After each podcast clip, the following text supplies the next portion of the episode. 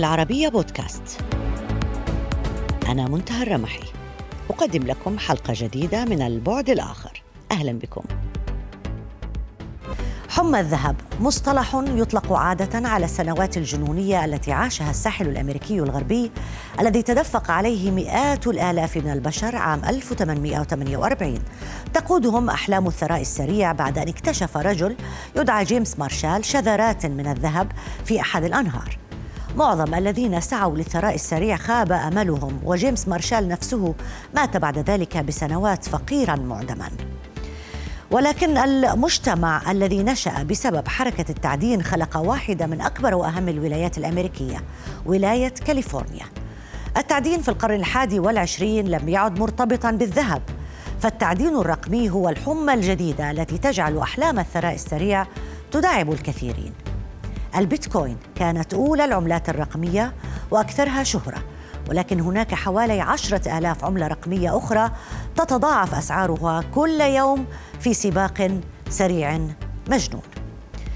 خلال السنوات العشر الماضية غيرت هذه العملات المفاهيم الاقتصادية السائدة وأخرجت العملة كمخزن للقيمة من سلطة الحكومات والبنوك المركزية حول العالم لتحقق نموذجا جامحا لمصطلح الأناركية الاقتصادية التي بشر بها الفيلسوف الاقتصادي الأمريكي موراي ريثبورد الذي اعتبر أن اللاسلطوية هي التعبير الأكمل للرأسمالية. ولكن هل اللاسلطوية التي تتمتع بها العملات الرقمية تمثل من ناحية أخرى هاجسا ملحا للنظام الاقتصادي العالمي؟ لا يبدو أن أبعاده تكشفت بعد فالعملات التقليدية وعلى رأسها الدولار تواجه خطرا جعل الفورين أفيرز تفتح ملفا حمل عنوان هل يمكن للعملة الرقمية الصينية أن تتخلص من الدولار؟ القوة الاقتصادية والجيوسياسية الأمريكية على المحك في محاولة لفهم أكبر حول هذا الموضوع موضوع العملات الرقمية والدور الذي ستلعبه في تغيير المستقبل النقدي والاقتصادي. اسمحوا لي أن أرحب بضيفنا من لندن السيد طارق الرفاعي الرئيس التنفيذي لمركز كورم للدراسات الاستراتيجية في بريطانيا. أهلا بك معنا سيد طارق. أهلا. خلينا نبدأ بالأول بقراءتك للتغير أو التغيير اللي بتسببه العملات الرقمية من حولنا. آه والله مثل ما شفنا يعني في بداية آه عام 2016 تقريبا مع آه طرح البيتكوين. والبيتكوين طبعا كان مطروح من سنة 2010 أو 2009 آه، في يعني آه، سعر أقل من سنت واحد. وبدأ التداول فيه بطيء ثم التسارع. وشفنا أول فقاعة للبيتكوين في نهاية سنة 2017 ثم طبعا التعافي السريع خلال العام الماضي ومع ذلك آه، أو مع نفس الوقت شفنا آه، مثل ما ذكرتي أكثر من 10000 عملة رقمية موجودة اليوم والتسارع في آه، يعني جذب المستثمرين الجدد لهذه العملات الرقمية. بس نوع التغيير هل هو إيجابي ولا سلبي إذا بدنا نحطه بكلمة واحدة اللي بيصير على المستوى الاقتصادي العالمي من صعود هذه العملات الرقمية؟ آه والله من ناحية التكنولوجيا العملات الرقمية يعني هذا واضح إن هذا المستقبل لأن في فوائد فوائد لهذه العملات آه يعني للاقتصاد العالمي وللحركة الاقتصادية. ولكن آه ارتفاع كثير من هذه العملات بالشكل الرهيب اللي شايفينه خلال الأشهر الماضية آه معظمها بلا سبب أساسي لأن كثير من هذه العملات آه ليس لها يعني استخدام واسع. البيتكوين طبعا أكبر العملات الرقمية بكثير من أكثر من جميع العملات الثانية ولكن استخدامها نعم موجود وبدأ آه، نشوف الحركة في استخدامها كعملة ولكن بسبب التقلبات العالية في هذه العملات آه، يعني ما نقدر نعتبرها كعملة أساسية لأن تقلباتها عالية جدا.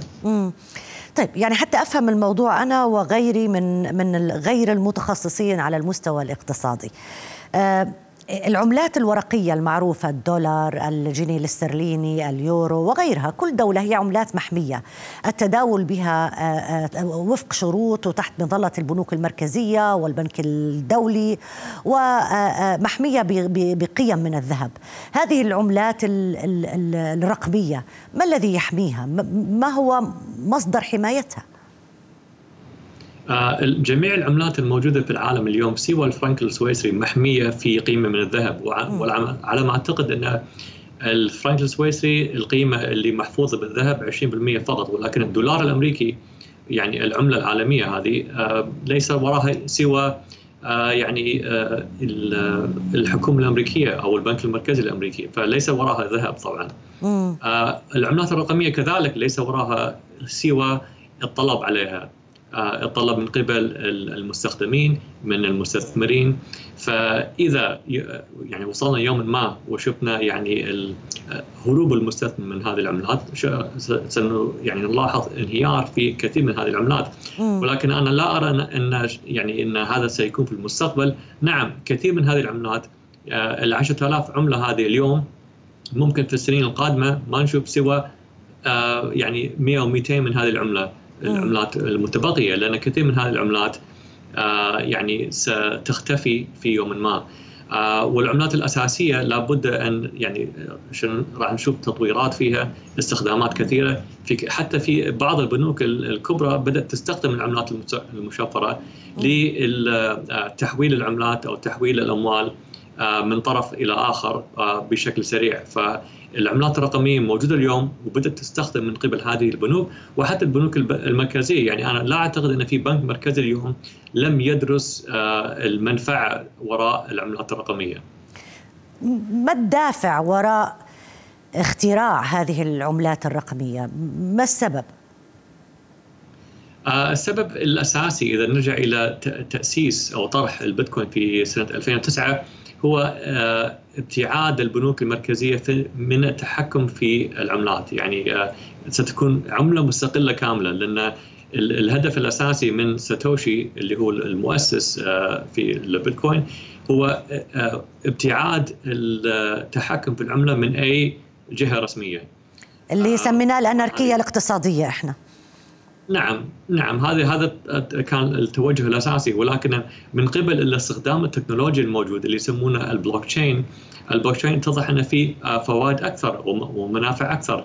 مثلا في التبادل التجاري التحويلات الفورية آه، التحويلات المعتمدة آه، ففي بعض المزايا الموجودة في هذه العملات له فوائد كثيرة آه، غير مثل تحويل بعض بعض السندات تحويل بعض الاصول إلى آخره عن طريق البلوك تشين فالتكنولوجيا البلوك تشين موجودة اليوم وسنرى الاستخدام فيها في تسارع ولكن آه، كثير من هذه العملات يعني أنا باعتقادي انها ما لها قيمة سوى يمكن آه، آه، أكبر خمسة أو ست من هذه العملات. طيب عندما أنشئت عملة البيتكوين تحديدا يعني كان سعرها سنت واحد كما ذكرت حضرتك الآن وصلت ل ألف أقل دولار من سنت. أقل من سنت الآن وصلت ل ألف دولار القيمة ال ال المادية لهذه العملة. يعني افترض أنا بدي أشتري بيتكوين. بعدين كيف بدي أصرف هذا البيتكوين؟ كيف بدي أتعامل معه؟ وين بدي وين مجالات صرف هالعملات الرقمية؟ طالما إنه لسه دوليا غير معترف بها بشكل بشكل آه، آه، آه، قانوني ودقيق. في كثير من يعني المحلات التجارية وحتى الشركات وحتى الشركات الاستثمارية يقبلون بيتكوين ل آه، يعني كوسيلة دفع. وحتى في بعض الشركات الأمريكية اليوم يعني طبعا شركات قليلة بدأوا يعطون يعطون المكافآت المالية ل آه، بعض المدراء عن طريق طرح لهم بيتكوين. بدل ما يعطونهم دولارات يعطونهم بيتكوين. فهذا موجود اليوم ولكن من ناحية التبادل التجاري ممكن لأن كثير من الناس اليوم يعني آه، خلاص تعودنا على التجارة عن طريق الإنترنت. فدفع آه، عن طريق الكريدت كارد ولا دفع عن طريق البيتكوين سيكون يعني شيء واضح في المستقبل. وبدينا نشوف الحركة هذه آه، ببطء. ولكن معظم الناس اللي يشترون يعني مثلا إذا أنت شريت البيتكوين اليوم ما اعتقد راح تشترين البيتكوين بسبب استخدامك في بيع وشراء. أنت مضاربة. الاساسي لشراء مضاربة. هذا السبب الاساسي لشراء بس مش هذا بخوف كمان سيد طارق بانه المضاربة نعم. بترفع الأسعار. جزء مهم من سعر العملات الرقمية أيضا آه وارتفاعها بهذا الشكل. زي ما حكينا برجع للمضاربة. هل ممكن تنفجر هذه الفقاعة في يوم من الأيام والناس تخسر أموالها؟ أكيد راح تنفجر لأن مثل ما شفنا في الفقاعة في نهاية 2017 آه، ثم الانهيار في 2018 والتعافي البطيء خلال السنوات الثلاث الماضية وثم التسارع في 2020 آه، سنرى نفس الحركة اليوم ولكن الحركة اليوم أكبر. وصل البيتكوين اليوم إلى 63 أو 64 ألف دولار للبيتكوين الواحد. وأنا لا أعتقد أن الفقاعة الفقاعة هذه انتهت. يعني ستستمر إلى بعض الأشهر ممكن وممكن حتى سنة بس ستستمر في الوقت القصير. وثم سنرى فقاعه ثانية وتصحيح آخر. آه بس حتى مع الفقاعة هذه نعم الكثير سيخسر ولكن التكنولوجيا ستظل موجودة واستخدام البيتكوين سيستمر في المستقبل. ولكن المضاربين آه يعني المستثمرين في السوق اليوم كثير منهم سيتأثرون من الفقاعة القادمة. ما الذي يمنع أن تنتج الدول أيضا عملاتها الرقمية طالما هذا الترند اللي جاي يعني في العالم وشيء فشيء تصبح العملات الرقمية أيضا محمية من قبل الدول بشكل أو بآخر. أنا أعتقد أن سنرى كثير من البنوك المركزية سيطرحون عملات رقمية في المستقبل آه ولكن آه يعني إذا نرى بعض الدول اللي فيها يعني آه آه تضخم نسبة تضخم عالية مثل فنزويلا آه أو في آه السلطات تتحكم في الحركات المالية مثل الصين نرى إن القبل من الشعب على استخدام العملات الرقمية عالي جدا. وعلى سبيل المثال في كذا عملة رقمية اليوم يعني بالمسمى العملات المستقلة. العملات المستقلة هذه ستكون مثلا سعرها دولار ومقابل دولار. فالعملات المستقلة هذه مبنية على سعر دولار. طبعا نسأل لماذا يعني ما نشتري الدولار مباشرة ونشتري العملة المشفرة اللي تتواصل أو يعني تتحكم فيها الدولار؟ السبب الأساسي هذه هذه الدول اللي فيها الحركات المالية أو انهيار الاقتصاد فيها أو القيود للمستثمر. فالعملات المستقلة معظم المستثمرين في العملات المستقلة اليوم هم الشعب الصيني.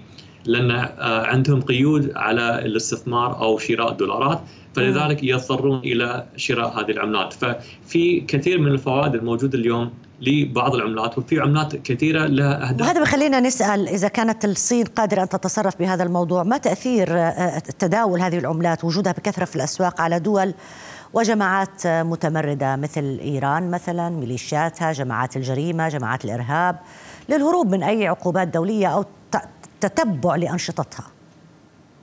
آه أنا أعتقد أن في كثير من هذه المجموعات يعني تستخدم البيتكوين. آه ولكن يعني لما طرح البيتكوين وفي يعني السنين الماضية كنا نسمع أن آه المستخدمين البيتكوين للإرهاب أو لغسل الأموال إلى آخره هذا يعني شيء نسبة قليلة من آه يعني حجم هذا السوق نسبة قليلة جدا يعني لا زلنا نرى إن أكبر ال الوسائل لغسيل الأموال عن طريق البنوك الكبرى وليست عن طريق البيتكوين إلى آخره. طبعا للهروب من بعض القيود يعني الحكومية مثل في الصين نرى التوجه نحو العملات الرقمية ولكن العملات المستقلة لأن طبعا بسبب التقلبات العالية في البيتكوين الواحد اللي يعني المستثمر اللي يحافظ على ثروته لا يستثمر في البيتكوين ممكن كمضاربة جزء منها في البيتكوين ولكن لعملة مستقلة أو للعوائد على الدولار مثلا يستثمر في العملات المستقلة للحفاظ على ثروته.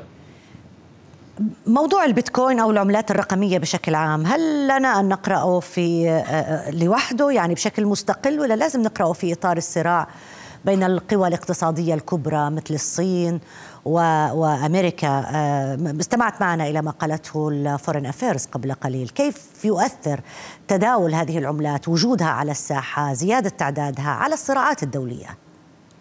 نعم يعني جميع الدول يعني يريدون الحفاظ على سعر صرف عملتها وثبات العملة خاصة الدولار الأمريكي كالعملة الأساسية ولكن في توجهات خاصة من الصين وحتى روسيا يعني منافسة الدولار الأمريكي.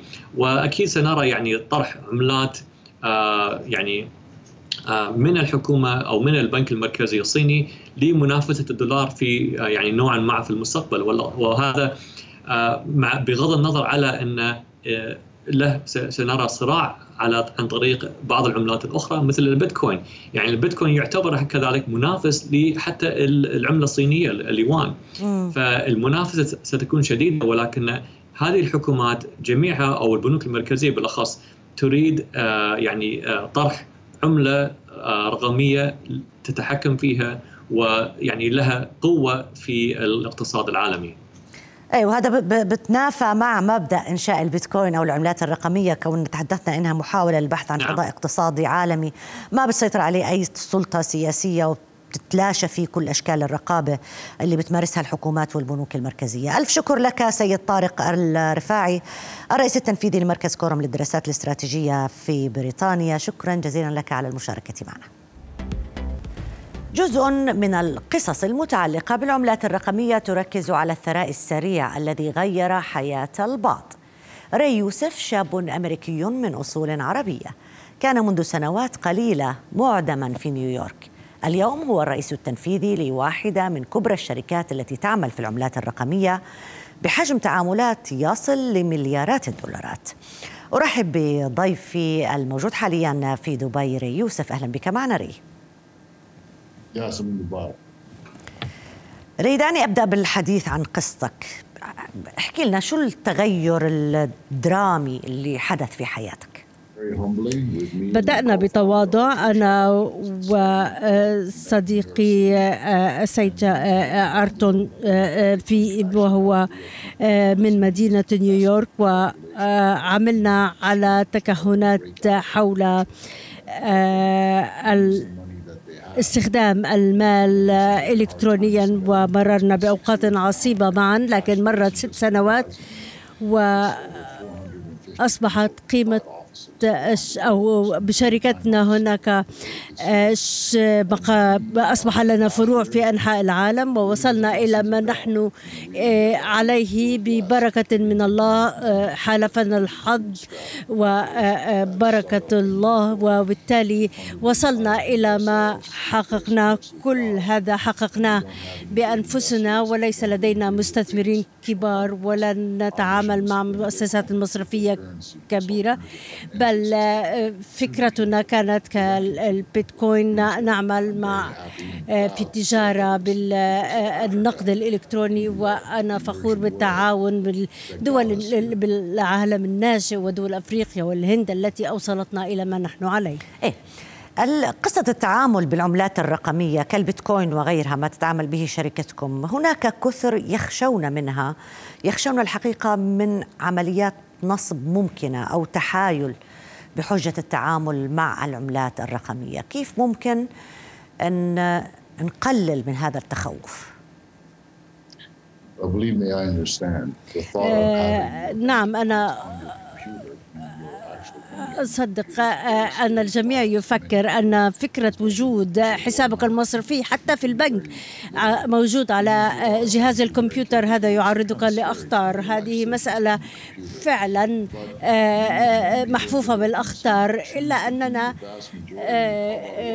نختار بالتعامل مع العملة المشفرة وبالتالي هي مختلفة مختلفة وبالتالي آه، الأمر يتعلق بالتثقيف آه، ف آه، آه، البيتكوين آه، فيها مفاتيح مفاتيح عامة وخاصة وبالتالي أصبح التعامل فيها أسهل الآن. هناك محافظ كبيرة وهناك خدمات مقدمة للمحافظة على سرية وسلامة وأمن هذه العملة. وبالتالي بهذا الشكل لا يمكن أن يفك شفرتها أحد أو أن ينهبها أحد من الموضوع ربما يكون آه، آه، آه، فيه مخاطر لكنه أصبح أكثر أمنا وبالتالي هي موجودة في محافظ آمنة الآن. طيب. في دعايات في السنوات القليلة الماضية صاحبت العملات الرقمية والحقيقة هذه الدعايات تركزت على دعايات الثراء السريع. آه وهذا أدى إلى المضاربة بشكل كبير في هذه العملات الرقمية ويؤدي أحيانا كثيرة إلى ارتفاع أسعارها بشكل غير مبرر. كيف يمكن تفسير هذا?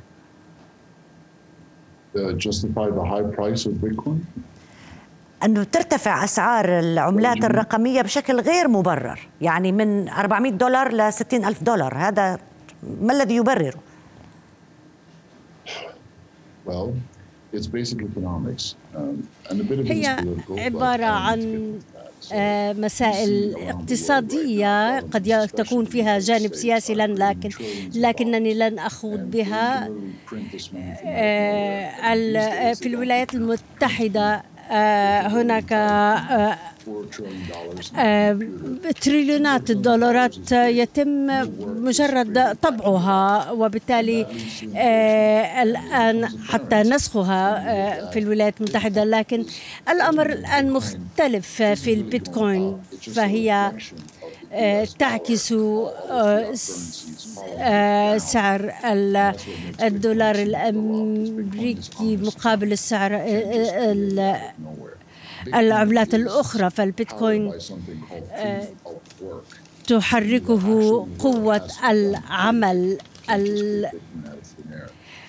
فالبيتكوين لا يمكن أن تأتي من الفراغ بل هي مدعومة آه، بشبكات آه، آه، شبكة كمبيوترات ضخمة في العالم وبالتالي هي مدعومة بالكهرباء أو الطاقة أو هي مدعومة بشيء كبير لكن آه، فيها أكبر حركة مثيرة للاهتمام. فهناك ملايين يعملون للبيتكوين ويعملون آه، بشكل مجاني فيقومون بنشرها ويقومون ببناء وتوزيع السلع الم- الم- متطو... م- التي يتم تطويرها حول البيتكوين. وبالتالي هذه المنتجات المتعلقة بالبيتكوين تسمح للجميع باستخدام مالهم بالطريقة آه، بالطريقة التي يرتؤون في إدارة أعمالهم.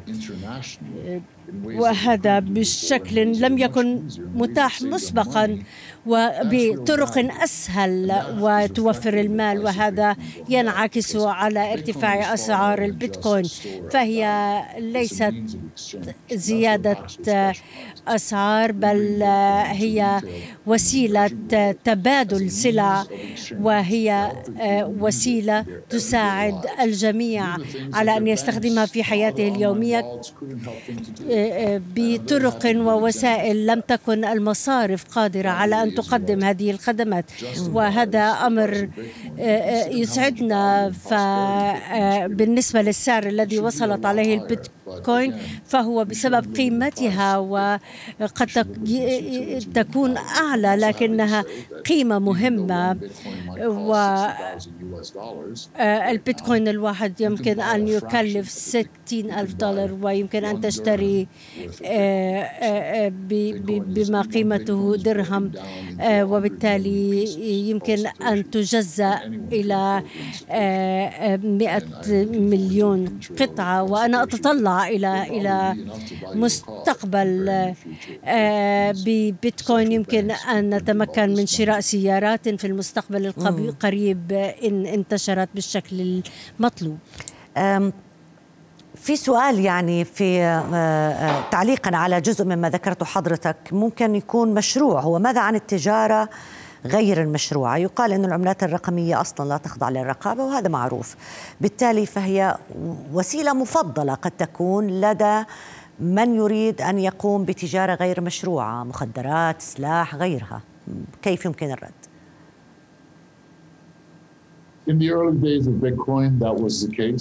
في البداية كانت هذه هي الحالة. كانت هناك شبكات مظلمة تتعامل بتبادل البيتكوين لكن الأمور تغيرت في السنوات الخمس الأخيرة.